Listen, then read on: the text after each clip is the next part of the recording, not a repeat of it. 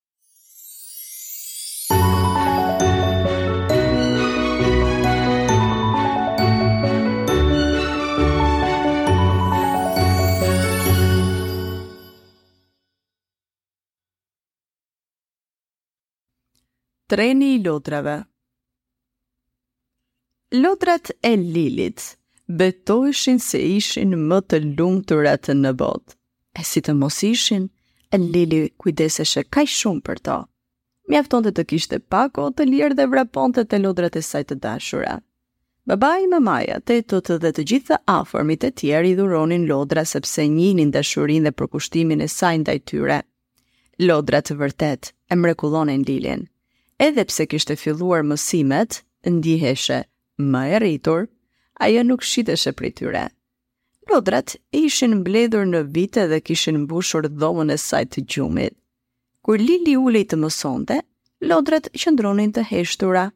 Mbanin një qetësi të madhe sikur nuk ishte askush në dhomë veç Lilit. Por, sapo Lili pushonte pak sapo bëhej gati të flinte në gjumë, nuk përmbaheshin më. Nxitonin kush e kush të shkonte më parë te Lili. Ketrushët, arushët, breshkat, i uleshin në prehër, i ngjiteshin në kurriz, i shpupurisnin flokët e kërcenin nga lartësia e rafteve pikërisht në dysheme.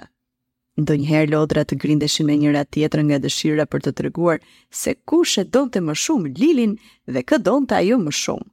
Edhe pse nuk ishte vështirë për ta kuptuar se ajo i donte të gjitha njësoj. Në dhomën e lodrave nxitonin makinat, fishkëllente lokomotiva, e shtronte asfaltin ruli i madh i rrugëve. ndonjëherë bëhej kaq rrëmujë saqë edhe policët e trafikut, lodrat bëhet fjalë sigurisht, nuk e mbanin dot rregullin dhe detyroheshin t'u vinin gjobë shoferëve apo trenistëve. Ata shkonin të ankoheshin tek Lili dhe ajo i zgjidhte të gjitha problemet e tyre me buzëqeshjen e saj të ngrohtë.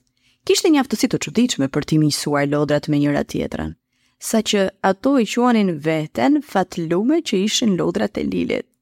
Kishin dëgjuar për lodra të tjera që nuk e kishin fatin e tyre, e i flaknin diku në një skaj pa treguar asnjë lloj vëmendje.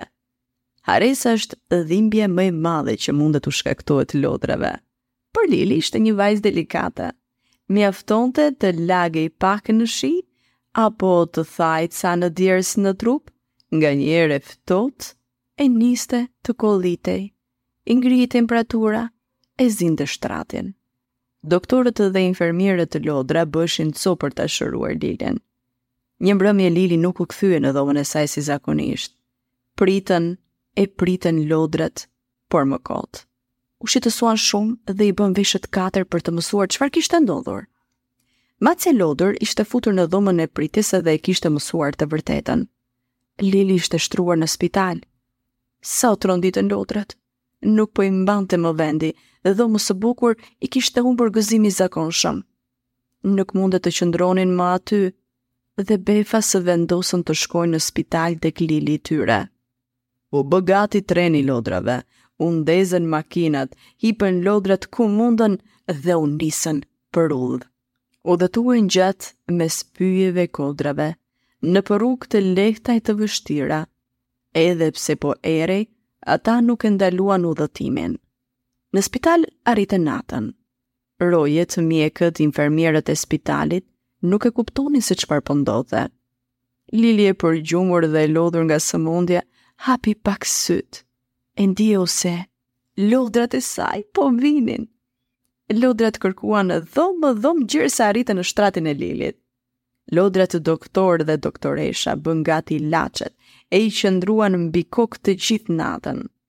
Në mëngjes kur erdhën mjekët dhe të afërmit, Lili ishte zgjuar dhe dukej sikur nuk i kishte ndodhur as edhe një gjë. Pranë saj mbi atë batanije, panë një mori lodrash që flinin të lodhura por të lumtura. Të rriturit e kishin të vështirë të kuptonin. Çfarë kishte ndodhur? Si ishte e mundur që Lili të ishte shëruar ashtu si me magji? Por, ka një magji në të gjithë këtë histori. Dashuria. Dashuria që jep e më pas që e merr. Po ju fëmijë, a kujdeseni për lodrat tuaja? Tani besoj, do ta bëni edhe ju, më shumë se më parë.